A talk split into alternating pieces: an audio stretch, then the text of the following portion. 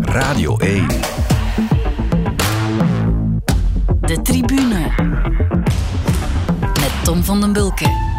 Goedenavond en welkom bij de tribune. Er ligt alweer een druk sportweekend achter ons met de ontknoping op een Grand Slam toernooi in het tennis, een wereldkampioenschap in het veldrijden en voetbal in de Jupiler Pro League, zowat de enige nationale competitie in Europa waar afgelopen weekend gevoetbald werd. Twee gasten om over dat alles te praten, dat zijn sportzaakcollega Peter van den Bemt en Wim de Koning, voetbalanalist bij Proximus. Goedenavond. Goedenavond. Dag Tom. Wim, het was eh, kiezen zondagavond tussen de match van Club Brugge en het WK veldrijden, want die werden op hetzelfde moment zo wat eh, afgewerkt. Wat is het geworden? Beiden, hè, maar wel met de commentaar moet ik zeggen van, uh, van de cyclocross. Okay. Maar ik heb ook wel naar de voetbal gekeken en uh, achteraf natuurlijk ook nog wel eens uh, de commentaren gehoord en de samenvatting. Maar het was wel te zien dat op een tien minuten na, de eerste tien minuten na, dat club echt wel uh, een van zijn betere wedstrijden van de laatste tijd speelde. Mm. Jij bent wielerfan. Ik wist dat ja. je sowieso dat WK veldrijden ja. ging meepikken. Uh, Peter, van jou weet ik dat iets minder. Heb jij gekeken? Uh, maar omgekeerd. Ja, ja, kijk. dus bij mij het commentaar van het voetbal. Ja. En ik moet zeggen, want uh, het grote televisiescherm was uiteraard ingenomen door de familie. Dus ik keek voetbal op de iPad en de nog kleinere, het nog kleinere beeldscherm, namelijk mijn iPhone. Daar heb ik, uh, ik moet zeggen, naar de cross gekeken tot duidelijk was dat uh, Pitcock wegreed. En ja, ja. heb ik ja, ja. me weer helemaal gefocust op het ja. voetbal. Misschien een iets actievere wielerbeoefenaar dan, dan de passieve kant, zeg maar. Heb je vandaag de wind getrotseerd? Nee, nee, nee. nee, nee, nee. ik had te veel werk, maar vooral ook geen zin. Dus hmm. ik ben niet te beroerd om als het slecht weer is te gaan fietsen, maar om nu uh, weggeblazen te worden, dat uh, leek mij toch geen goed idee. Ik denk dat het ook niet echt veilig is. Ik weet niet of het... Uh, bij ons was het ook in elk geval felle wind. Mm -hmm. En ook veel regen en zo, dus nee.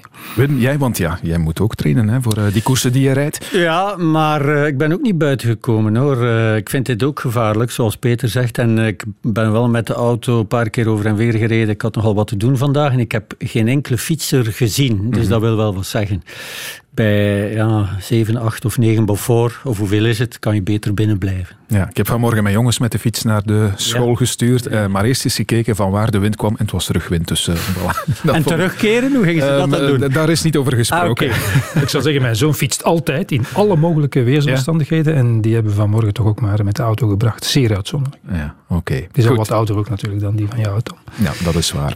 Tijd voor de momenten van de week. En Peter, jij verlaat daarvoor een beetje je comfortzone, mag ik zeggen. Hè? Ja, het is geen voetbal, maar wel iets anders.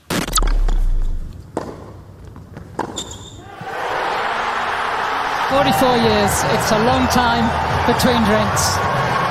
And maybe, guys, this was written in the stars. Maybe this was always meant to be from the moment she picked up a racket at six years of age. I think everyone's getting emotional. Amazing. And after Wimbledon last year, her childhood dream now to win the Australian Open here at home. First woman to do so in 44 years, first Australian woman. Incre amazing, incredible what she's been able to do. Haar naam is niet gevallen in het fragment, maar het gaat over Ashley Barty. Wint voor eigen publiek de Australian Open met 6-3, 7-6 was het. Tegen de Amerikaanse Daniel Collins. Waarom heb je dit gekozen? Ik ben nu niet een bijzonder grote tennisliefhebber, maar ik hou wel van mooie verhalen natuurlijk. En dit was er toch zo een. Hè? Want uh, mensen die het ondertussen gevolgd hebben weten dat, het, uh, dat ze 44 jaar hebben gewacht, uh, de Australiërs, op nog eens een, een vrouwelijke winnares van de Australian Open na Chris O'Neill, heb ik geleerd mm-hmm. en gelezen. En dus dat was een zeer emotioneel moment. En ik had de voorbije dagen wel al een beetje het levensverhaal van die Ash Barty gelezen, die eigenlijk heel jong is beginnen tennissen, op vier jaar al. En op haar veertiende al naar Europa werd gestuurd. Een enorm groot aankomend talent was. Op 16 jaar al denk ik het juniorentoernooi bij Wimbledon gewonnen. Maar ja, lang voor daarover gepraat werd, heb ik vandaag nog eens gelezen over de, ja, de, de mentale druk. Uh, gestopt met tennis, had er genoeg van. Was, was in toch een soort depressie verzeild geraakt. Ging dan een andere sport beoefenen, cricket, zowaar. Mm -hmm. Daar werd ze ook profspeelster in. Dus ook dat kon ze. Uh, de familie bestaat uit golfers overlijk, wat ze ook geweldig kon blijkbaar. En dus ze is dan na een uh, jaar of twee teruggekeerd naar het, naar het tennis. En, en het was een zeer emotioneel moment. De Rod Laver Arena ontplofte. En omdat ze toch ook weliswaar al van wat verder uh, afstand van de Aboriginals moest ik meteen toch een beetje denken aan Cathy Freeman op de Spelen van Sydney in 2000. Uh, waar die ook ja, een, een Aboriginal toch een beetje de heldin van het, van het volk werd. Tot ze dan met de verkeerde vlag begon rond te lopen. Dat was dan weer een beetje minder. En ja, ik zou zeggen, de, de Australiërs hebben intussen tijd in die 44 jaar ook wel een keer een Belgische geadopteerd bij gebrek aan eigen. en dat was dan Kim Kleisters, die dan won in 2011, denk ik. Maar goed, dat liep dan een beetje fout. Ze werd net iets minder Australische. Dus het was een, het was een, uh, een prachtig verhaal eigenlijk. En, en ik uh, heb van de specialisten gelezen dat ze niet alleen nummer één in de wereld is, maar ook de beste tennister van het moment. En dat het nog wel een paar jaar gaat duren. Dat mm. wens ik haar toe. Ja, absoluut. En ik las het ook van dat golfen. Ik denk dat ze dat vorig jaar gedaan heeft tijdens de coronabreak, toen er een tijd lang geen toernooi geweest is. Haar vriend is ook een golfer. Is ze weer gaan golfen? Ja, het zou best kunnen. Ja, ja, ja. En, en het schijnt ook, heb ik gelezen, een zeer bescheiden, down-to-earth meisje te zijn dat niet zoveel van doen heeft met al die glamour en, en uh, glitter. Dus uh, mm. nee, mm. voilà. Blijft wel altijd maar weer uh, veranderen qua winnaressen hè, van die Grand Slam toernooien. ik heb het eens opgezocht, de laatste 10 Australian Opens, acht verschillende winnaressen. 14 verschillende winnaressen in de laatste 20 Grand Slam toernooien toekoer. Kun, kun je het nog volgen of je volgt het misschien überhaupt niet zo op de voet? Nee, nee maar, maar dat vind ik op zich geen slechte zaak. Mm. Ja. Dat lijkt mij beter dan wanneer je elk jaar opnieuw dezelfde voorspelbare winnaar of winnares hebt natuurlijk. Zal een, en misschien... Zoals een beetje bij de mannen. Hè?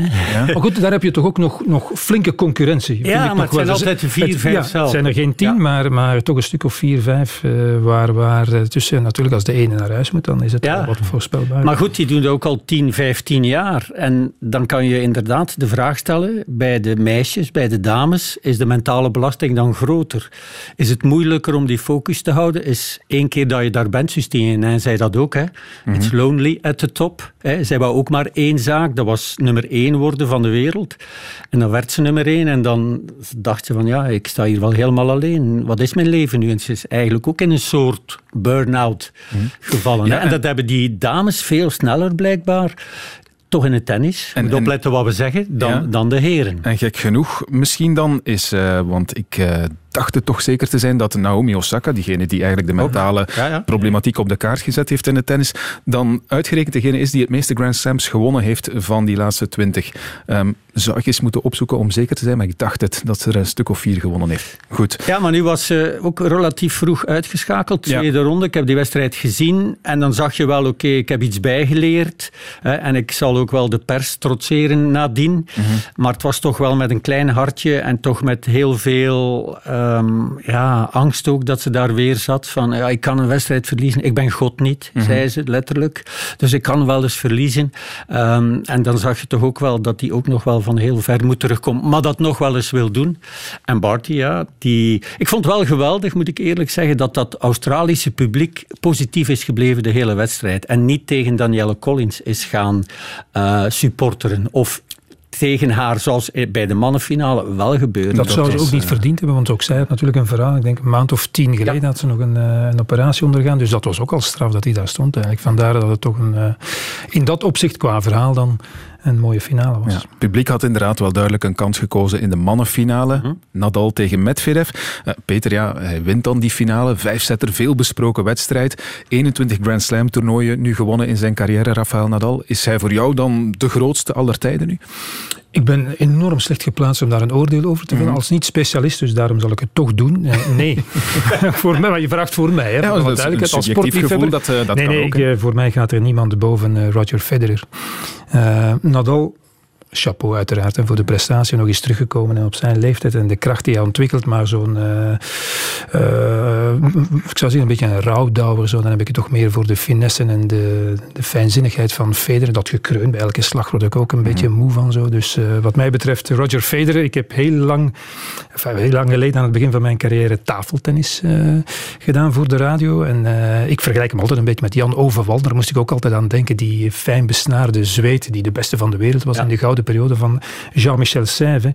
En met wie ik nog op de vloer van een discotheek heb gestaan in het Spelershotel aan de vooravond van de finale van het EK in Bratislava. Die hij speelde overigens, Jean-Michel was er ook, maar die was uitgeschakeld. En uh, Walder had daar de, de avond van zijn leven en uh, veegde de vloer aan. Ik denk dat het met Samson of was de dag nadien. Dus ja. fenomenaal. Vandaar ik zeg, dus ik heb het toch altijd voor de stilisten, de Mozart werd hij genoemd van de tafeltennis. En dat kan je van Federer ook zeggen. Maar dat zijn nog eens namen uit het tafeltennis. Maar chapeau voor, uh, chapeau voor Nadal natuurlijk. Absoluut, absoluut. Trouwens, het viel mij ook op, want ik was uiteraard ook aan het kijken naar die finale. Ja, Nadal, hè, je zegt ik word er een beetje moe van als ik hem uh, soms um, aan het werk zie, maar, maar die tics die hij voor elke opslag heeft, ik denk dat hij 25 seconden nodig heeft per opslag. Als je dan kijkt naar Medvedev, ja, nou, dan gaat slaat hij, de bal weg in vijf seconden. Ja, maar dan gaat hij over tijd, want je hebt maar 20 seconden.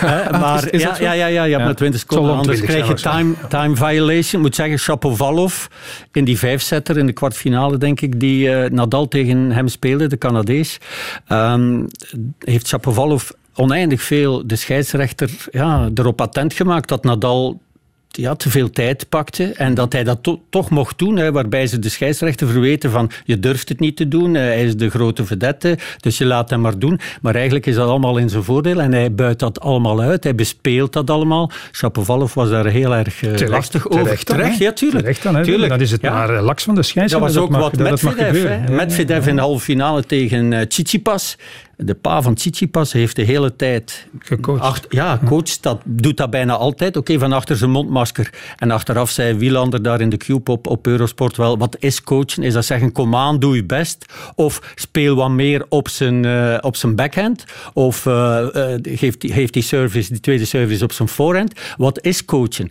Dat, daar, gaat of, daar gaat meer duidelijkheid moeten inkomen. Maar het is wel zo dat Nadal inderdaad alle trucs gebruikt om de tegenstander ook maar zeker en, en vast uh, moreel te ontmoedigen. En het lukt wel heel erg veel. Hè. En hij ja, haalt daar blijkbaar kracht uit. Dus ik herhaal het. Federer. Die ja, doet, voor mij die doet dat allemaal niet. Nee, dat is waar. Hij begon wel zo, want ik heb Federer als 18-jarige nog eens weten spelen tegen Malice. En het waren twee heethoofden dat geen naam had. Het was om er meest rechts kapot slaan. Ja, Xavier is dat een beetje blijven doen. Hè. Een beetje wil ik. Hij heeft dat een klein beetje kunnen uh, kanaliseren. Maar Federer is helemaal de andere toer opgegaan. Hè. Hij was ook van, van oudsher was dat ook een, een heet hoofd. Hè. Gentleman geworden. Ja, het is echt wel gentleman geworden. En uh, tot het einde. En, en dat, dat is zijn, zijn tennis ten goede gekomen. Oké, okay, Nadal uh, moet ook wel zeggen... Um, door het feit dat er nogal wat Spanjaarden in het publiek zaten, meer dan Russen mhm. gisteren, wilden ze natuurlijk graag een vijfzetter. En één keer dat, het een, eh, dat hij die derde set won, zag je gewoon, hij gaat er echt wel over gaan. Hè. Medvedev ja, begon zich te ergeren aan het applaus van uh, de supporters toen Medvedev een tweede opslag moest slaan of toen hij in het net uh, speelde of een dubbele fout maakte. Ja, Geen manieren. Hè, dat nee, nee, het waren, nee. Geen tennismanieren nee, minstens toch? Maar vroeger had je dat wel eens dat in de Davis Cup Medvedev, en zo. Ah, op, Wimbledon, met uh, Ivan Isevic ook, hè? Waar, ja. de, waar de, de, de Kroaten, of Service, wat is het? Ja, Kroaten. Waar de Kroaten eigenlijk een voetbalstadion van. Ja, ja, maar dat gebeurde zelden in, in tennis, maar je krijgt dan wel meer in de Davis Cup, ja, als de landen tegen elkaar zijn. Maar gisteren, gisteren was echt, uh, had het gevoel heel dat stadion tegen Medvedev. Hè, en dat mm. heeft uiteindelijk heel veel beslist. Oké, okay, alle credits natuurlijk voor Nadal. Geen uh, sport die buiten de comfortzone ligt van Wim de Koning, duidelijk. Ik heb maar... veel gekeken, moet ik zeggen. Ja, ik hoor het. Ik hoor Omdat het. ik zelf ook regelmatig uh, tennis en zo. Ja. En, ja, ik heb wel eens een balletje geslagen. Ook dat nog. Maar, Goed. maar op... Uh, ik heb één keer een raket kapot geslagen. en ik vond dat wat duur en ik zei, ik ga dat nooit meer doen. Kunnen wij ons niet permitteren, nee. dat is waar. Nee. Voor jouw moment dan toch maar voetbal weer met misschien wel de mooiste transfer op deze Transfer Deadline Day. A fairy tale return to football has been confirmed because Brentford have signed Christian Eriksen. He is back in the Premier League. He is back in football just seven months after that cardiac arrest at Euro 2020. Hi everyone, it's Christian Eriksen. I'm uh, happy to announce that I've signed for Brentford Football Club, and uh, I can't wait to get started. And hopefully, I'll uh, I'll see you all very soon. Christian Eriksen is weer voetballer en wel bij Brentford. Zeven maanden na die hartstilstand uh, tijdens Denemarken-Finland op het EK voetbal. Uh, ja, Brentford dus, wat uh, bij Inter een probleem was. Voetballen met een defibrillator is dat blijkbaar niet in, in de Premier League. Nee, in Italië zijn ze heel erg streng. Hè. Herinnert ook onze Fadiga? rechtsachter... Ah, Fadiga, de rechtsachter van Agent Die uiteindelijk, Fouquet. Fouquet ja. ja. die was ook uh, gaan doen en werd afgekeurd wegens hartproblemen, zogezegd hartproblemen. Blijkbaar zijn ze daar in Italië heel erg streng voor. Maar ik zat met uh, David Naert uh, in de studio te kijken naar Denemarken-Finland toen mhm. het gebeurde. En wij werden heel erg stil. We hebben echt gevreesd voor het ergste, zoals iedereen op dat moment. En dat hij zeven maanden later weer competitievoetbal gaat spelen. Ja, dat is echt wel een, een half mirakel. En de wetenschap staat ver. Ook met hartproblemen en zo zijn er toch altijd wel hartspecialisten die zeggen van doe maar. En met die defibrillator uh, gaan we dat wel oplossen. Maar hoe gaat die speler daar zelf mee om? Oké, heeft al wel getraind, maar gaat hij echt nog wel diep durven gaan? Hij gaat natuurlijk nog wel genieten van het feit dat hij weer kan voetballen. Maar hoe, uh, ja, met, met welke ingesteldheid begin je aan zo'n wedstrijd? Goed wetende dat het op elk moment, het is alles fout gelopen, weer kan fout lopen. Ik heb maar we, we, hebben hier bij ons met Anthony van Loon een paar keer gezien dat het, dat het ook gewoon werkt natuurlijk. Ja, maar het is wel vreselijk. moet maar eens vragen aan Anthony om het mee te maken. Ja, ja, allemaal, je gaat neer, je krijgt daar een schok. Was dat toen eh, hij nog bij Roeselare speelde en jij daar uh, was? Ja, ja, ja, want ik heb uh, in der tijd, toen ik daar was, verplicht om een, om een totale screening te doen. En dan is dat uitgekomen bij Anthony. Mhm. Dat was hard voor hem. Hij moest eerst 24 uur met zo'n bakje lopen. En dan bleek dan, de specialist zei, oké, onmiddellijk stoppen. Want er is een probleem. Dat moet je dan eens gaan vertellen aan zo'n jongen en aan die ouders. Die wilden dat niet geloven. En die zijn dan uiteindelijk bij Pedro Brugada terechtgekomen voor een second, third opinion. En die zei van nee, dat gaat wel lukken met die defibrillator. Heeft daar inderdaad nog mee gespeeld, ook bij KV Mechelen. Maar is een aantal keer wel gevallen. En um, ja, is dan uiteindelijk toch gestopt. Maar weet heel goed wat dat, wat dat is. En is daar goed mee omgegaan. Hè. Maar ik denk moest ik dat tegengekomen zijn, dat ik niet meer zou gedurfd hebben. Het is natuurlijk erg. Hè? Eriksen had al wel een geweldige carrière gemaakt. Anthony was toen 21 jaar en was een geweldig talent. Heeft wel nog lang gevoetbald en is nog altijd goed. Uh, maar hoe Eriksen, en hij weet het, dat het, dat het hem weer kan overkomen. Ja, en Peter, het is, het is, dan uh, wel de Premier League, hè? wat toch, toch een belastende competitie is. Oké, Brentford speelt geen Europees voetbal, maar toch, dat is aan een hoge intensiteit. Hè? Ja, maar ik denk dat hij uh, blind vertrouwen heeft in, in de artsen die hem adviseren en die hem groen licht geven. En ik denk dat je dat als profvoetballer ook op die manier moet doen. Ik denk dat het misschien nog lastiger is voor zijn omgeving dan voor hemzelf. Mhm. Want hij neemt de beslissing voor zichzelf. Uh, terwijl ja, zijn, zijn vrouw en zijn kinderen, zijn, zijn ouders veronderstel ik. Uh, ik kan me voorstellen dat het voor, hem, uh, voor hen emotioneel veel moeilijker is om daarmee om te gaan natuurlijk. En, en ja, die beslissing te moeten laten aan, aan, hun, aan hun zoon of hun echtgenoot of hun, of hun vader. Maar, maar ik begrijp wel, Eriksen voelt zich waarschijnlijk 100% fit. Oké, is ik denk dat hij misschien van, van alle mensen ter wereld nog het minst geschrokken is. Denk ik dan maar. Ja, zou kunnen. Dat, dat, want, want hij heeft het natuurlijk gevoeld meegemaakt. Even niet. En op het moment dat hij weer bij bewustzijn is, ja, dan is het voor hem. Wij zijn, wij zijn nog bij wijze van spreken heel lang in de onzekerheid geweest. Werd weggevoerd, er werden allerlei verhalen verteld. Dan kon je, gelukkig was er vrij snel een foto waar je kon zien dat hij bij bewustzijn was. Ja. Maar ik, uh, ik denk dat, dat daarom misschien, hoewel hij ervan geschrokken zal zijn, het misschien nog net iets minder zal zijn dan, uh, dan de anderen. En dat hij, dat hij graag wil voetballen.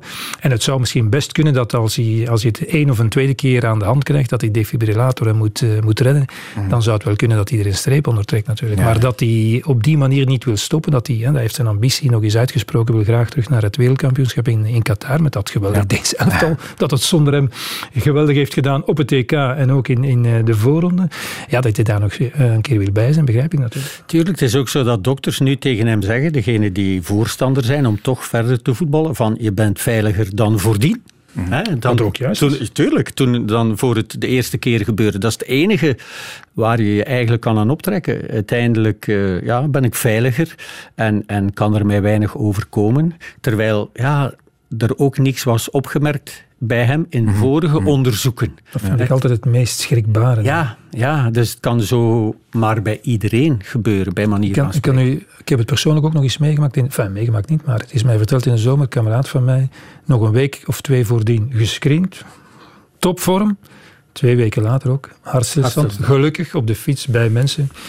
Uh, stopte een auto met drie verpleegsters op de terugweg van een pensioenfeestje. Ja. Is gezond als een vis, maar ik wil maar zeggen, ja, die, die screenings zijn ook maar wat ze zijn. Ja, natuurlijk. ja. Het blijft een spier en een spier kan elk moment uh, in pannen gaan. Het zou in elk geval geweldig zijn om hem inderdaad uh, eind dit jaar te zien op het WK voetbal met de Denemarken dan. uiteraard. Ook omdat het een geweldige voetballer was. uiteraard. Ook al natuurlijk. Al, al, blijf ik er wel van overtuigd dat de gebeurtenissen rond Christian Eriksen die Denen een soort impuls hebben gegeven om te presteren wat ze hebben gepresteerd op dat Europees kampioenschap. Dat denk ik dan weer wel. Dus het zou best kunnen dat zonder dat drama dat het misschien toch een ander toernooi was geweest voor de Denen, denk ik. Oké, dat waren jullie momenten van de week. Radio 1. De tribune. Straks nog meer voetbal in de tribune, dan hebben we het vooral over de eigen competitie. Maar nu nog een keer naar het WK veldrijden, naar de grote Tom Pitcock Show.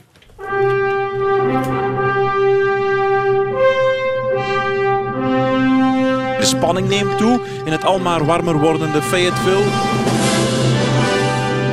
Voor Pitcock is alles minder dan een wereldtitel een ontgoocheling.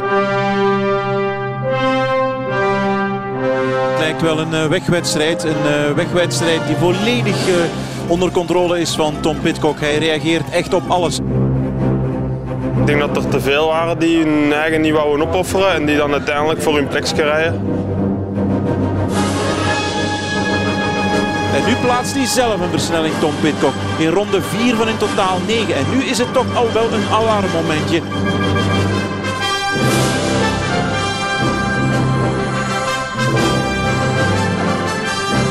Hij is aan het vertrekken, beste Belgen. Hij is aan het vertrekken. We hebben het tempo hoog gelegd en Pitcock heeft het nog hoger gelegd. Dus uh, dan kunnen we niet veel meer doen. De winnaar van de Brabantse pijl, Tom Pitcock, komt hier dadelijk over de streep. En hij legt zijn lichaam horizontaal, steunend met de onderkant van zijn lichaam op zijn zadel. Ja, ik wil uh, gaan naar New York voor vijf dagen met mijn uh, vrienden. En dan, uh, dan op stage. Next time we will do all the interviews in Dutch. Oké. Okay. Misschien was dat wel het leukste aan het hele week ja, veldrijden. Het was met zijn vriendin, hè? niet met zijn vrienden. Hè? Ah, ja, ja. ja, ja dat, dat, was niet, dat was even niet goed uh, nee. hoorbaar. Oké, Wim, ik zei het al, voetbalman, maar met een groot hart voor de koers. Je rijdt ook uh, geregeld zelf eens een koers. Als je er nu 24 uur later op uh, terugkijkt, heb jij nog een manier bedacht waarop de Belgen Pitcock wel hadden kunnen kloppen? Nee, geen enkel. Ja, ja de kat dus niet. Maar het was zodanig breed, het parcours, dat je overal kon, uh, kon voorbijsteken. Uitgenomen op dat ene technische gedeelte, waar ze zo'n dubbel heuveltje moesten pakken. Mm En waar Piet Kok maakte, ook al de ronde voor hij ging eigenlijk, dat hij daar als eerste uh, kon aan beginnen. En achteraf zei Michael van Toernout van ja, ik vond het een vuil manoeuvre van Pitcock op het moment dat hij wegrijdt.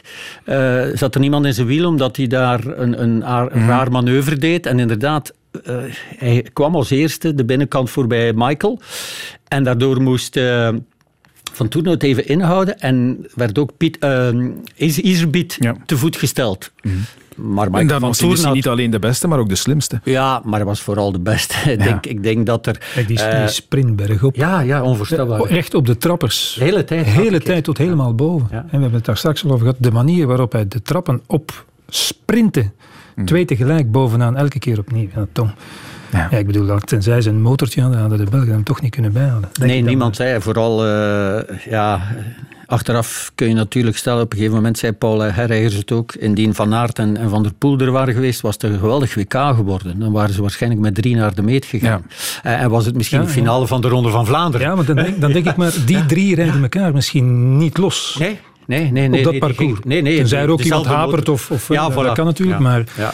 Ja, die zijn, elkaar zo, uh, zijn zo gewaagd aan elkaar. Dat, uh... voilà, vonden we het een echte cross eigenlijk inderdaad. Als je naar het parcours kijkt, was het was, uh, heel snel. Hè. Ze hebben een gemiddelde gehaald van meer dan 27 km per uur. Ja. dat is Wat een cross bijzonder snel is. Ja, het was, het was voor wegrenners uiteindelijk, maar ook Iserbiet is uiteindelijk dan toch wel derde. maar de beste wegrenner heeft alleszins gewonnen. En de beste mountainbiker is hij ook nog eens. Mm -hmm. En van al die jongens is hij ook nog de beste loper. dus hij kan sturen, hij kan hij heeft een geweldige motor en hij kan toewerken naar iets. Hij stond daar wel alleen voor. Hè. Thomas Meen was zijn enige uh, landgenoot die ook aan de start stond. En de Belgen zouden het allemaal eens doen. Maar mm -hmm. hij had natuurlijk de belofte bezig gezien de dag voordien. Hè. En daar hadden de Nederlanders zich in de doeken laten doen door een vroege ontsnapping van een Belg. Oké, okay, Sven van Toornhout had natuurlijk gevraagd om dezelfde tactiek te gebruiken mm -hmm. bij, de, bij de professionals. Maar Pitcock had dat gezien en reageerde als door een bij gestoken op, ja. op elke uitval. Hè. Dat moet je kunnen, één. Uh, hij ging uit de twee, drie eerste niet. Hè. En als hij dan de eerste keer zelf aanzette, ja, dan was hij voorgoed weg. Dus uh, ja, er was niks aan te doen. Ja, er wordt intussen gesuggereerd dat Eli Iserbiet zijn winter misschien anders moet gaan indelen. Waarmee ik wil zeggen, geen 30 of 40 crossen meer rijden, maar meer toewerken naar bepaalde wedstrijden, zoals dat uh, WK. Is het de moeite waard om dat te proberen, denk je? Of kun je ook gewoon zeggen van, ja, maar die drie hè, die we net genoemd hebben, Pitcock daar ook een van, die rijden gewoon in een andere categorie. Wij, wij schieten tekort. Ja, ik denk niet dat dat een goed idee is voor uh, Iserbiet om dat te doen. Hij heeft nu, wat is het, 13 crossen gewonnen, ja. door zich van in het begin uh, ja, in vormen te rijden, veel crossen te rijden, alles mee te pakken wat er kon. Pitcock heeft, ja, heeft gezegd, er is er maar ene die belangrijk is, dat is het wereldkampioenschap. Mm -hmm. uh, ook een uitgeruste Iserbiet zou niet meegegaan zijn met Pitcock. Want wie wist op dat moment dat Van der Poel en Van Aert uh, niet naar het WK zouden gaan? Bijna niemand. Hè. Het zou eigenlijk normaal geweest zijn, indien Van der Poel niet geblesseerd was, dat hij er ook was. En dan zou Van Aert misschien ook wel op een of andere manier naar daar gegaan zijn, wie weet. Dus ik denk dat... Uh, dat Iserbiet, ja, die kan misschien nog wel eens wereldkampioen worden. Maar ik denk dat het wel goed is dat hij, dat hij probeert zoveel mogelijk uh, ja. wedstrijden te winnen tijdens het seizoen. Want alles uh, zetten op één cross is, uh, is ja. heel erg zwaar qua het is, ook, het is ook een broodrenner, hè, Tom. Dus hij ja, verdient er zijn geld mee en dat doet hij door veel crossen te winnen en prijzengeld te vergaren natuurlijk en reclame te maken voor, voor zijn sponsor. Want ik vraag mij soms af, ja, zijn, zijn die, van die twee, nu moet ik er misschien Pitcock bijtellen, ja, is dat nu een zegen voor het veldrijden of niet? Dat vraag ik me eigenlijk de sport af. wel een grotere uitstraling. Een grotere uitstraling, grotere cachettes zijn ongelooflijke klasbakken, maar uh, oké, okay, uh, Van der Poel is natuurlijk geblesseerd, maar ja, de beste of een van de allerbeste die zegt het wereldkampioenschap, dat rij ik niet. En ik heb alle begrip voor zijn beslissing, voor alle duidelijkheid, met het oog op wat komt. Maar ja, dan uh, krijg je als sport toch een klap natuurlijk. Als je naar de grootste wedstrijd van het jaar, daar pas je dan voor. He, een van je uithangborden zegt WK, nee, dat hebben we al gehad. Dan Had denk misschien ik, dan anders geweest mocht hij niet al drie keer wereldkampioen geworden zijn, eerder Wout van Aert. He, dan, dan kun je misschien zeggen... Okay, de echte crossers, op, op de echte crossers, ik zal ja. Roland Liboto of Sven, mm. hè, die, gingen, ja, die, gingen, enfin, die zijn niet zo vaak wereldkampioen kampioen geweest, uh, Sven Nijs. Maar ik bedoel, ja, die, die, omdat het veldrijden voor hen natuurlijk prioriteit was. Ja. ja, die drie zijn natuurlijk van alle markten thuis. Hè. Ze kunnen ook uh, Van Aert nu waarschijnlijk wel niet, omdat hij dan iets te zwaar is, maar uh, ook wel allemaal wereldkampioen en olympisch kampioen mountainbike worden. Dat heeft Piet Kok bewezen. En ik zou ze kunnen klassiekers op de, op de ze piste. Kun, ja, voilà. Ze kunnen ja, waarschijnlijk ook wel. ze kunnen allemaal tijdrijden, ze kunnen sprinten. Ze zijn, ze zijn top in alles wat ze doen. En dan is het soms ook wel logisch, want ja, ik las ook vandaag, Pitcock zal volgend jaar misschien ook een cross of tien rijden als wereldkampioen. Van der Poel heeft er ook door omstandigheden heeft er twee gereden dit jaar. En, en, wat ik wil zeggen, en voor de wat ik wil sport zeggen, is het inderdaad niet goed. Hè, als die dag van het WK moeten de uithangborden, Daar zijn. tenzij ze geblesseerd zijn uiteraard, van de sport wel meedoen natuurlijk. Ja. Maar Amerika, ja, dat, dat kwam ja, ja, terug, niet ja. zo goed uit, blijkbaar. Hè. En, uh, het, ja. Er is ook weinig te zoeken naar wat het veldrijden betreft. Er is een soort drang om te internationaliseren. En ik heb dat nog overal gelezen van onze mensen ter plaatse ook. Ja, dat gaat er echt niet van komen. Dus stop ermee. Ja, terzij het uh, een Olympische sport wordt, hè, maar daar, uh, daar staan we nog ver, ver vanaf. Ja, ja, ook, Niet no ook niet nodig, lijkt mij. Nee, ja, maar goed, er zijn ook Olympische sporten die ja, ook maar zoveel voorstellen als veldrijden. Maar andere. Die hun bestaansreden net ontleden ook aan de... Aan de ja, en dat heeft het veldrijden dan niet, niet nodig. Nee, nee, dus, dat is waar. Mooi om te horen hoe twee voetbalmannen zich kunnen uh, bijna verliezen, zou ik zeggen, in een discussie over veldrijden. Um, ik wil het zo meteen over het vrouwen-WK nog even hebben. Um, maar jij wou ook nog iets kwijt, Wim, over uh, Joran Bizeuren, de, de wereldkampioen, de Belg, bij de belofte. Ja, dat, ik vond dat een geweldig verhaal. En de blijdschap die bij die jongen uh, ervan afstraalde, dat vond ik ook ongelooflijk. Hè. Dat was degene die zich wou opofferen voor de ploeg. Hè. Want mm -hmm. iedereen zei op voorhand van alle beloften kunnen de Belgen misschien wel allemaal wereldkampioen worden. Misschien op Kuipers en Michels na maar er zijn er toch wel met vier, vijf die dat wel zouden kunnen. En dan moest er zich iemand opofferen door vroeg uh, aan te gaan en dat deed Wiseur. Oké, okay. Miel Verstrengen was volgens mij misschien wel de beste in de koers, hè, maar die heeft geweldig ploegwerk verricht in, uh, in het zog van de Nederlanders, die uiteindelijk niet zodanig sterk waren en één voor één er uiteindelijk van tussen moesten. En die Verstrengen dat beter had aangevoeld en een, een ronde vroeger was begonnen, dan was hij misschien wel naar Wiseur gereden. En die rijden dan uitgerekend bij dezelfde ploeg van Bart Welles. Het zou wel ja, een moeilijk verhaal geworden zijn. Nu bleef Wiseuren voor en dat is, dat is niet evident. Want heeft ook heel de koers alleen gereden. En, en is iemand die... Vorig jaar werd hij geselecteerd door Sven van Toernout en moest uh, Thibaut Nijs thuis blijven. En iedereen zei Wiseuren. En Nijs blijft thuis. Mm -hmm. Wat ziet Van Toernout daarin? Ja, dat is een West-Vlaming, dat zal wel oude jongens krentenbrood zijn. maar als je dan nu ziet, ja, Van Toernout had het wel door. En iedereen zegt, ja, Wiseuren weet niet hoe snel hij zelf kan rijden. En ik zag de cross in Gullegem. Dat was in de Dat was echt ploeteren. Dat was de grootste ploetercross dit seizoen. En toen won Pitcock. En Wiseur, die was heel slecht gestart, vijftiende of zo. En die kwam op het einde tot op 10 seconden van Pitcock. Uh, Pitcock die een grote doel... En hij, hij pakte ook nog uh, de laatste ronde Quinten Hermans. Iemand die toch ook graag wereldkampioen nu was geworden, hè, zonder die covid-besmetting. Dus uh, ja, die jongen kan inderdaad veel meer dan hij, dan hij zelf beseft. En heeft dat nog eens laten zien. En het is te hopen ja, ja. dat hij dat die carrière mag maken, want het is echt uit het niets dat hij komt. Oké, okay, dat over Joran Wiseuren en dan nog over het WK bij de vrouwen dus. Gedomineerd door Nederland, wie anders en gewonnen door Marianne Vos, al voor de achtste keer nu wereldkampioen in het veld. Vorige titel dateerde wel van 2014, acht jaar geleden dus. En we hebben nu Marijn de Vries aan de lijn, wieleranaliste in Nederland en hier bij ons. Dag Marijn.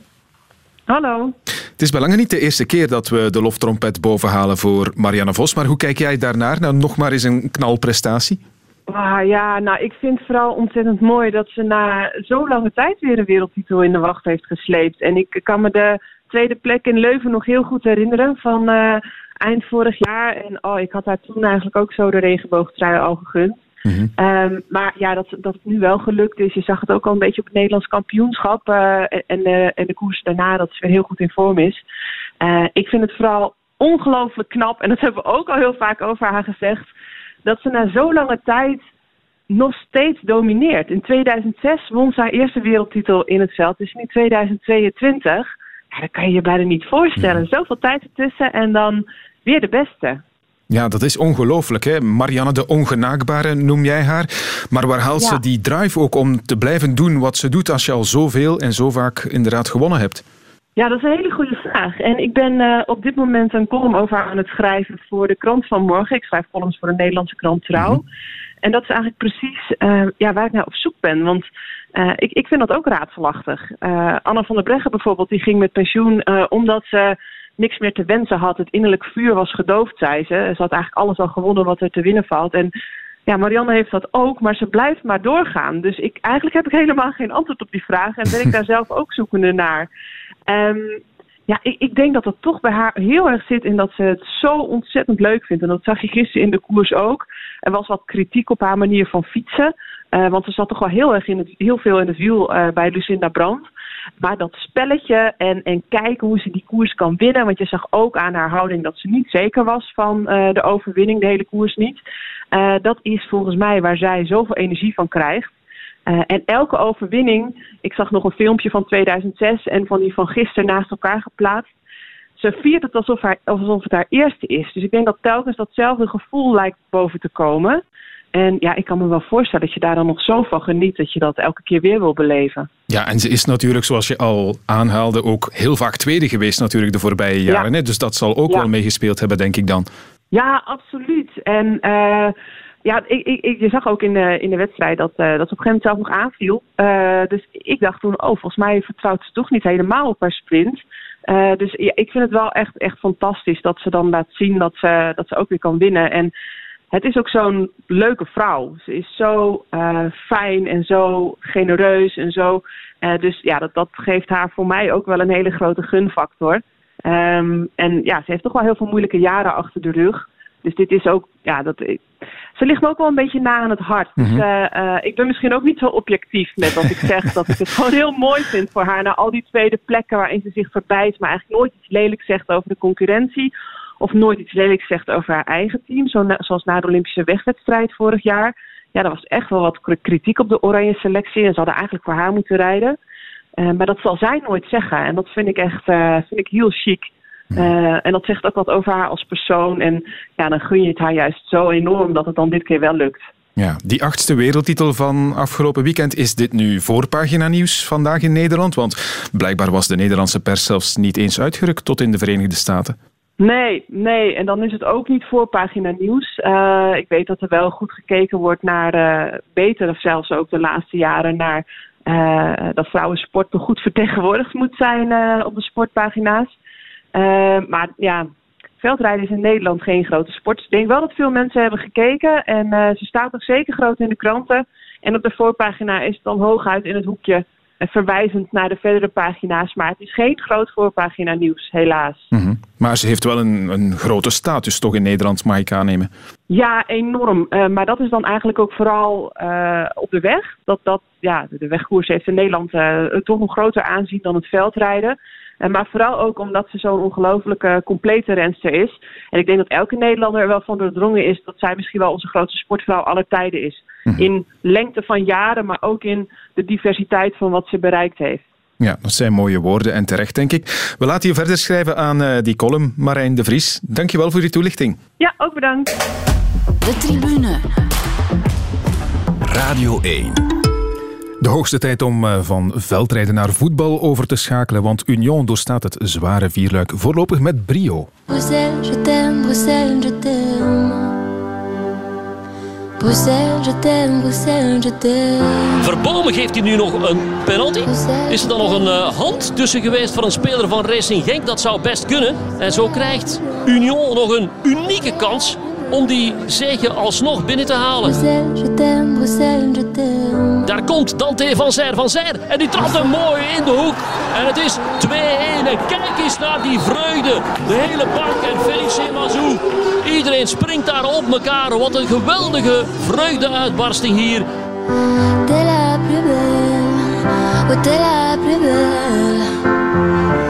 Van Aken trapt nog eens een bal ver naar voren. Maar Laurens Visser maakt een einde aan deze wedstrijd. Union heeft ook zijn tweede van vier examens met verven afgelegd.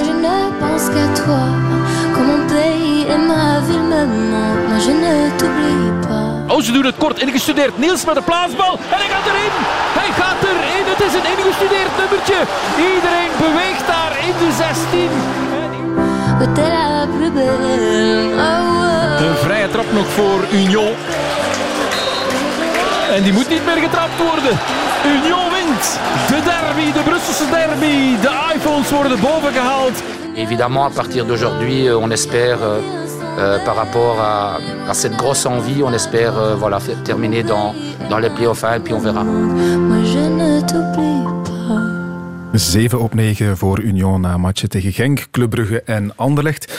Ehm, ja, opnieuw veel lof, hè, Peter, voor Union. Maar ik hoorde jou eerder vandaag ook al op de radio zeggen dat het wat het voetbal betreft wel wat meer mag zijn van Union.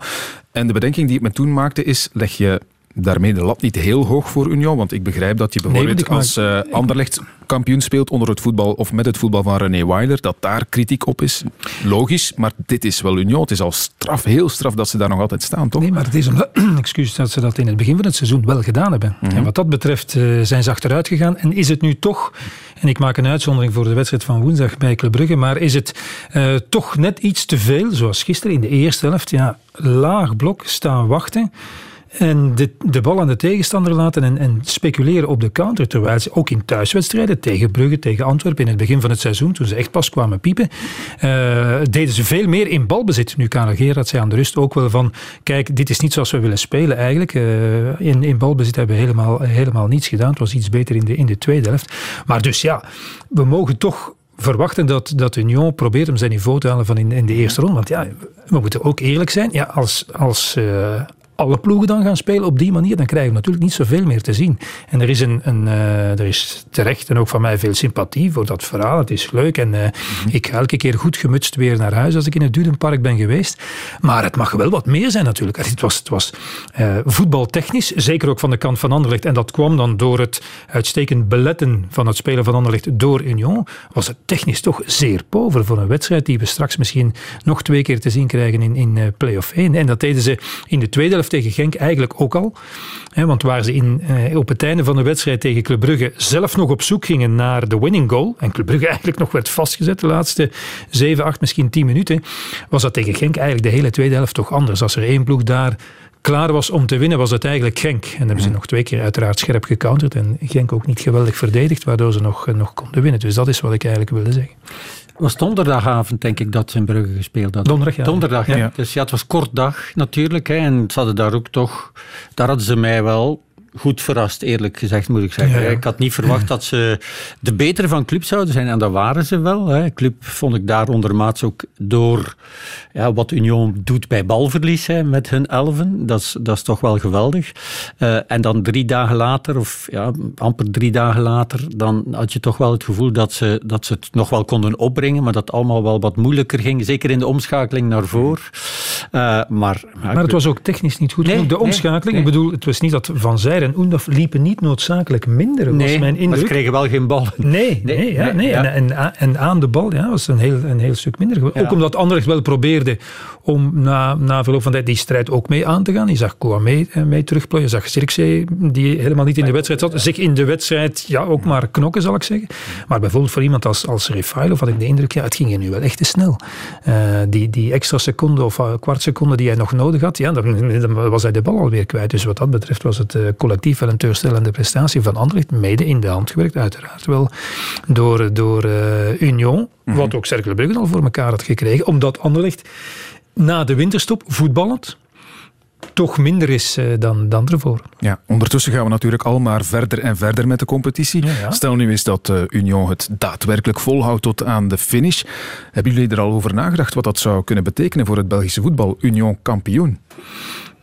Maar uh, goed, ik las vandaag ook in een Franstalige krant al bedenkingen voor volgend seizoen dan, hè, in de Champions League. En er gaan mogelijk veel spelers vertrekken naar andere ploegen, in binnen- of, of buitenland. En onze coëfficiënten zover. Maar ja, daar, daar, hoeft, zijn nog geen daar, daar, hoeft in eerste instantie Union zich niets van aan te trekken. En wij eigenlijk ook niet. Ik bedoel, het kan toch niet zijn dat uh, een prachtig verhaal niet mag geschreven worden met het oog op volgend seizoen. En, en met in het achterhoofd, wat Liers is overkomen toen het in de Champions League mm -hmm. ging, ging spelen ja, dat kan de bedoeling natuurlijk niet zijn. Hè. En, en uh, het valt nog te bezien uh, of, of Union dan eventueel, we gaan nu al heel ver in de poules van de Champions League, dat zoveel minder punten gaat halen dan de vertegenwoordigers de voorbije jaren. Want dat waren er nu ook geen twintig uiteraard, om dat zo maar te zeggen. Ja. Ja. Dus ik heb daar geen, ik heb daar geen probleem. Ik, ik begrijp het wel. En het zou kunnen dat, dat Union dan met een gedecimeerd elftal op het hoogste niveau moet, uh, moet strijden. Maar goed, ja. Ja, het, valt toch te verwachten dat die ploeg bij elkaar houden, dat dat heel moeilijk ploegen, wordt. De grote ploegen, Tom, hebben ons land dit jaar vertegenwoordigd mm, ja. in Europa. En een coëfficiënt. dus, ja, dus, die hebben, dus die hebben het toch gedaan. Ja. En uh, met uitzondering van Gent in uh, de kleinste beker. Ja, Conference. En Club Brugge is er goed aan begonnen, maar is dan toch ook uh, weggezakt in een aardsmoeilijke poelen. Dus ja, ik bedoel, ja. dan mag Union het ook een keer proberen, wat mij betreft. Ja. Maar je maar voelt het nu al komen, hè, Wim ook. Hè. Er wordt nu al aan de mouw getrokken van een aantal spelers. Hè. Je leest dat uh, Oendaf al gelinkt wordt aan de moederclub, zal ik dan maar zeggen, Brighton. Ja, dat gaat uh, niet makkelijk worden, denk ik, om die ploeg ja, bij elkaar de, te de houden. van gisteren, uh, die gaat er weinig potten brengen. Ja, dat is waar. Was iets beter tegen, uh, tegen Club, hè. maar ook nog niet de man die in, in Engeland gaat, gaat het is meedoen. een megastap, hè? Ja, ja het is, het is een megastap. Ja, ja. Die komt vanuit de Duitse derde klasse. Ja, ja zeker. Ja. Goed, hij heeft er 18 hè, en veel assists ook nog eens. Hè. Dus hij heeft geweldige cijfers. Als je daar naar kijkt, dan moet je hem altijd nemen. Maar of je daar gaat mee kunnen, dat is nog iets anders natuurlijk. Maar wat ze wel doen, is bijna altijd met diezelfde ploeg kunnen spelen. En dat is zo, als het goed gaat, zijn er weinig geblesseerden, zijn er weinig geschorste af en toe zenen. Gert uh, Verwijs ook, als je minder spelers hebt, zijn er minder, ge minder geblesseerden. Ja, op, ja, Omdat in een ruimere kern jongens die er naast vallen vaker dan toch maar geblesseerd zijn. Je hebt natuurlijk ook minder kans op blessure, want er zijn minder spelers. maar, maar ja, ik heb het gisteren eens nagekeken, speciaal voor de wedstrijd van gisteren. Ze hebben er uh, vier of vijf onder wie de twee spitsen, en, en, en, en Nielsen en Lapoussin, die gewoon alle wedstrijden aan de aftrap hebben gestaan. Dat wil dus zeggen dat Felice Mazou zijn twee spitsen in elke wedstrijd kan opstellen. En, en ik heb het gisteren ook gezegd, uh, ook wil opstellen omdat ze in vorm zijn. Mhm. Dus ja, dat is uniek. Hè? Dus je kan nu al zeggen, ja, volgend jaar gaat dat niet het geval zijn bij Union. Dus ik, ik uh, ga spelers wel begrijpen als ze zeggen op het einde van het seizoen, ik ga hier dit uitzonderlijke seizoen, wat het wellicht toch is, verzilveren. verzilveren. Ja. Ja. Tuurlijk, terzelfde tijd, uh, er zal ook wel eens een periode komen dat er wat geblesseerden zijn of wat covid-gevallen en, en, en zo meer. Hè. Maar, maar wanneer? Met, maar wanneer? we, zijn al, al, we zijn al eind januari. Ja, ja oké, okay, er moeten wel nog, hoeveel is het? Negen competitiewedstrijden en, en, en zes play-off één wedstrijden, want daar gaan we vanuit dat ze erbij zijn. Gespeeld worden, dat is nog veel. Hè. Nog veel en, ja, ja. ja, dat is nog echt veel. Uh, maar het is een geweldig verhaal natuurlijk. En um, ja, voor die jongens is dat iets uniek. Hè? Terwijl um, ja, er ook wel heel veel kwaliteit in dit elftal zit. Hè? Op dat middenveld, ik, ik kijk mij zot naar die driehoek nu. Hè? Met uh, Lazar, Amani en, en uh, Thuma en, en Nielsen. De manie, en ook op de, op de kanten Lapoussin en, en Nieuwkoop. Hè? Maar als je kijkt, Wim, ja. die Lazar, die kennen we nog van bij Eupen. Dat was eigenlijk een, een fladderaar, zo een beetje een... Uh, Als 18-jarige was ja. hij wel goed, maar dan zakte hij niet weg. Nee, nee, maar ik bedoel, een, ja. een, een, een, een, technische speler die fladderde en die acties maakte. Ja, als je die nu tekeer ziet gaan in de duels en overtredingen maken en, en druk zetten, en inderdaad, dat is, die is, heeft, hij zei het zelf ook in het interview nadien. Ja, ik heb mij moeten aanpassen aan wat hier gevraagd wordt. Maar aan de bal ook wel goed, als hij dan aan de bal is. Hè. Ze worden echt wel uh, onderschat. Maar Mazu doet daar natuurlijk geweldig werk. Alleen is het zo dat uh, ja, met Mitoma, Kozlowski die er nu bij is, uh, ze zijn zich toch aan het versterken, via Brighton en ook Wim? natuurlijk, om dat te gaan opvangen. Of dat dan uiteindelijk hetzelfde resultaat gaat geven, dat weet ik niet. En we kunnen natuurlijk wel zeggen, Union, Union, kleine Union. Ja, Kozlowski, dat is er een van 10 miljoen. Ja, hè? ja. Die kan Anderlecht niet halen op dit moment. Hè. Verstaan daar ook niet. Hè. Die, is, die is een speler van 10 miljoen. Nee, we hebben die als 18-jarige ja. in de Champions League gezien. Ah, Kozlowski, ja. een 18-jarige die hier meedoet. We gaan eens kijken. En die zit nu bij Union. Oké, okay. had COVID zeker, daardoor is hij nog ja. niet speel, uh, speelgerecht. Belangrijke match komt er nog aan zaterdag. Dan is het uh, Antwerpen tegen Union. Ja, Als we zeggen uh, het voetbal van Union mag wat meer zijn, ik denk dat dat zeker geldt ook voor uh, Antwerpen. Maar dat is, dat is ook een verhaal dat blijft duren. Hè. Antwerpen dat heel vaak matig speelt, maar toch punten blijft die pakken. Presteren, die presteren ook vaak qua resultaat eigenlijk ook, zou je kunnen zeggen. Maar oké, okay, daar zijn ze nog mee. En als, als het een beetje mee zit, staat Antwerpen uh, zaterdagavond op vier punten. Dat kan natuurlijk mm-hmm. ook. Hè. Ze hebben een inhaalwedstrijd op, uh, op het veld van Kortrijk ja. woensdag. En dan de rechtstreekse confrontatie. Maar goed, die bedenking heb ik mij aan de vooravond van dit vierlijk van Union ook gemaakt. Nou, het kan zijn dat ze over een week of anderhalve week... En dat blijkt toch niet het geval te zijn, in tegendeel. Ja, dus, want... dus, maar, maar ik vind, uh, wat Antwerpen betreft... Uh, ik heb het vanmorgen ook gezegd op de radio. Ik vind dat een zeer kwaliteitsvolle kern. Vooraan hebben die geweldige keuze. Eigenlijk ook achteraan als iedereen fit is. Op het middenveld. Hè? Heel veel keuze. Als je ziet wie daar op de bank zit. Dan vind ik dat daar uh, kwalitatief en eigenlijk ook qua resultaat op dit moment gewoon te weinig is uitgekomen. En, en, en uh, ja, dan, wat, dan we, zou, dan... wat we Union verwijten, van het mag wat meer zijn qua voetbal, mag het van Antwerpen ja, ja, zeker. Ja, ja zeker en vast. Ja, ja, zo, zoals ze gisteren, uh, want ze, ze hebben gestreden en geknokt en dat was ook nodig na die soft tegen Sint-Truiden natuurlijk en na, dat, uh, na de bolwassing van Paul Gijsens. Maar uh, als je zegt, ja, lof voor de organisatie, ja, die kan ik niet onderschrijven. Want je hebt misschien vier, vijf, zes kansen weggegeven waarbij Buté het uitstekend heeft gedaan en er natuurlijk slecht paar, afgewerkt. Ja, niet ja. te missen toch gemist werden. Dat betekent ook dat de organisatie niet goed is als Lemaisch van op twee meter vrij naar doel mag trappen of, of uh, Bruno. Ja, want ik las ook vanmiddag, uh, en er wordt heel veel naar data gekeken, volgens de expected goals en de expected tegengoals en de expected points staan Union en Antwerp niet hoog. Hè? Staat Antwerp maar zevende of achtste en staat Gent inderdaad in de top drie ja, ja. in België. Hè? Dus daar wordt heel veel naar gekeken. Oké, okay, je hebt natuurlijk een keeper, je hebt ook spitsen die dan moeten afwerken en die dan goed moeten kunnen. En je hebt ook verdedigers die in de fout gaan.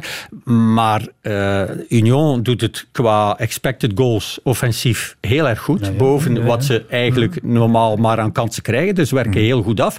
En langs de andere kant, want er wordt altijd gezegd van geweldige verdediging. Ze krijgen ook wel wat kansen tegen.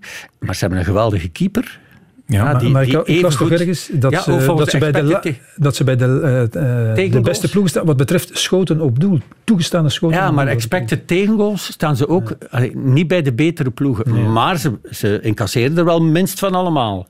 Dus ja, eh, en, en de, de, de collectiviteit. Want ja, iedereen zegt ook wel, ja, maar ja, goed, als we iedereen op die manier laten voetballen, zien we niks meer. Maar je moet maar eens proberen een elftal op die manier te laten voetballen.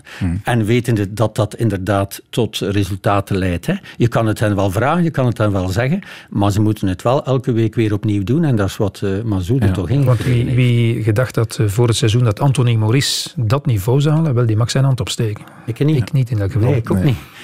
Nee, ik ook niet. Het is transfer deadline day. We hadden het er net over. Denis Oendaf. En wat zie ik nu net binnenkomen op de computer? Hij vertrekt naar Brighton na het seizoen. Ja, maar dat was al. Dat was ja, maar het is nu officieel Ja, ja, maar dat was- goed. Maar- door, door de Union. Dus bij Top, deze maar is, is het zeker. Dat kon natuurlijk niet anders. Dat kon niet anders. Je gaat niet, als je uitzicht hebt op de Champions League, want dat is het toch uiteindelijk, op, op een historische titel, gaan ze natuurlijk niet hun eh, topscorer weghalen bij, bij een... eh, hoe heet dat? Zusterclub. Ja, zusterclub of kinder, hè. kinderclub. Of Ja, dat- zoiets. Ja, dat, Ja, ja, kinderclub nee, is dat het, zou natuurlijk het hele de, de, geloofwaardigheid van het hele project ondermijnd hebben. Dat kan natuurlijk niet. Wat transfers betreft, mag ik zeggen dat het, wat de Belgische markt dan eh, betreft of aangaat, zeggen dat het een rustige mercato is geweest. Worden eigenlijk nog maar weinig echte transfersommen betaald, heb zou ik de indruk door- de clubs. Eh, ik ben daar zeer tevreden over. Als je net de cijfers hebt gelezen van, wanneer was het, een week of twee geleden, hè, cijfers Mhm. van 14 clubs die waren neergeteld, neergelegd, excuus, eh, 81 miljoen in het rood, dan zou het toch een bepaald slecht signaal zijn geweest als die clubs ondertussen nog maar een keer volop eh, inkomende transfers zouden doen. Dus wat dat betreft denk ik dat het toch een, eh, een logisch gevolg is van ja, de, de moeilijke financiële situatie. Ja, standaard doet het dan toch wel, heb ik het gevoel. Met, eh, met Van Damme, met eh, de, de Walen, met Emon. Ja, dat is toch allemaal, ik denk dat dat allemaal... Ja, het is toch in België allemaal? Je moet toch die spelers... Ja, ik Het zijn denk, geen transfers van, van 2 miljoen of zo. Nee, ik, ja, maar Kortrijk laat eh Gilles de Waal toch niet graag gaan naar, naar standaard. Maar goed, ze Ja, hebben, ik, ik ze hebben begrijp, wel... ik begrijp dat Ja. je het een, een goede zaak vindt dat inderdaad de tering naar de nering gezet wordt. Anderzijds vraag ik mij af, je ziet wel veel meer huurovereenkomsten die afgesloten worden. Is dat dan... Ook dat is een gevolg daarvan. Hè? Ja, ja Tuurlijk, maar is dat dan weer niet nefast? Want dan is het elk, elk seizoen Maar natuurlijk de eh, ideale opnieuw wereld beginnen. kunnen clubs eh, de spelers die ze willen gewoon kopen en vastleggen, maar dat blijkt niet te gaan. Het, het, Mhm. het, eh, beste voorbeeld daarvan is Anderlecht natuurlijk. Hè. Die willen graag ook een centrumspits eh, definitief vastleggen in wie ze geloven, maar dat zit er op dit moment niet in. Dus moeten zij het doen met eh, vorig jaar Metja, nu met, eh met Cirkzee, Kouame ook denk ik Ja, ja, gehuurd. Dus Ook wat dat betreft moeten ze misschien vo- volgend seizoen opnieuw beginnen, maar dat is de financiële realiteit. En je kan toch alleen maar toejuichen dat onze clubs, je zou het niet zeggen op basis van dat cijfer dat ik net heb genoemd, toch proberen om het op een eh, financieel gezondere manier te doen. En ook, ik weet wel, je moet die cijfers af en toe relativeren. Er zijn ook clubs waar investeringen gedaan worden die dan op termijn in principe zullen terugvloeien. Maar ja, oké. Je moet toch even op, op de rem gaan staan. Je kan niet natuurlijk een, eh, een pleidooi houden om ook eh, steun van de overheid te krijgen en ondertussen maar volop eh, geld uitgeven. Dan ben je nog minder geloofwaardig dan je dat al bent op dit moment. Ja, want Gent bijvoorbeeld was toch de club die met de wintermercato altijd al zijn transfer deed. Oké, voor nog een half seizoen. Of toen wat minder, want er waren altijd nog veel minder wedstrijden na nieuwjaar of na 31 En nu één huurling, denk ik, En nu, voorlopig? ja, één huurling, ja. En ehm, ja, zij zetten ook de tering naar de nering, terwijl... 20 eh, miljoen verlies, hè, heb ik ja, ja, natuurlijk. Ja, voilà. En, en eh, ja, dan, dan wil je je ploeg nog wel versterken, want daar moet wel, zeker door het feit dat die jongens daar naar de Afrika Cup waren, ja, er kon wel iets bij komen als je dan toch nog wilde naar play-off 1 gaan. Ja, maar ja, ik weet het. Maar goed, ja. moet je dat dan doen? Moet je dat dan? Tissoudali komt nu terug. Ja, die komt Hè? terug. Ja. En de Poitre is in principe gauw fit. Misschien nog niet voor de bekerwedstrijden. En, en eh Vader is misschien fit. Ja, heb je dan... Want Gent heeft op zich, eh, denk ik, als iedereen fit is, best een uitgebalanceerd elftal. Ja, En dan ze hebben- altijd ze hebben bij de eerste vier. Ja, ze hebben al laten zien dat ze uitstekend kunnen voetballen. Alleen is dat niet altijd gepaard gegaan met resultaten. Dus ik begrijp wel dat ze zeggen van... "Mm, om er nu nog een paar bij te duwen, Ja. dat gaan we niet doen. Is er jullie op Europees niveau nog iets eh, opgevallen? Of bijgebleven van deze transferperiode? Ja, die twee van Juventus die naar Tottenham zijn. hè? Dat, dat, dat zijn toch jongens, eh Kulusevski, Zweeds international, en Bentancur is een Uruguayaans international. Die in Italië, ja, er werd verwacht dat die daar voor de titel gingen meedoen. Die gaan nu weg naar, naar Tottenham. Ik weet niet of dat op uitleenbasis is of dat die... eh, En die Vlaovic dan eh, gaat dan Ja, weer naar Juventus. Ja. toptalent, Service toptalent wordt gezegd. Eh, 70 miljoen euro, dat lijkt me dan toch de duurste te zijn geweest van deze Mercato. Zou kunnen. Ook dat Ja. is eh, dan toch maar een trend, denk ik. En dan van Fiorentina, want jij wordt daar helemaal uitgespuwd nu natuurlijk, omdat hij daar naar de grote vijand gaat. Dus eh, is daar Ja. niet, niet echt eh, ja, met, met veel glans vertrokken, laten we zo stellen. Terwijl het wel een geweldige transfer is, want Ja. ja, schopt ze wel binnen. En wat nog te zeggen eh, over Barcelona, Peter. Jij volgt die club eh, ook wel op de voet. Hè.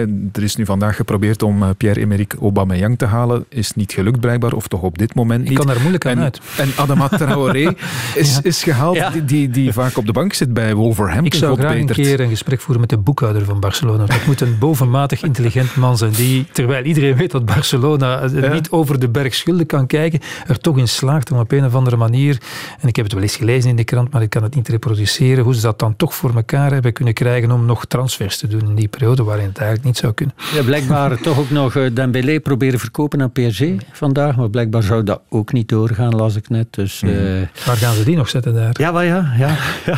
Maar dat las ik dan ook weer vandaag. Ehm, Mbappé naar Real Madrid. Na het seizoen weliswaar voor een eh, recordbedrag, qua salaris dan, van 50 miljoen euro bruto per seizoen.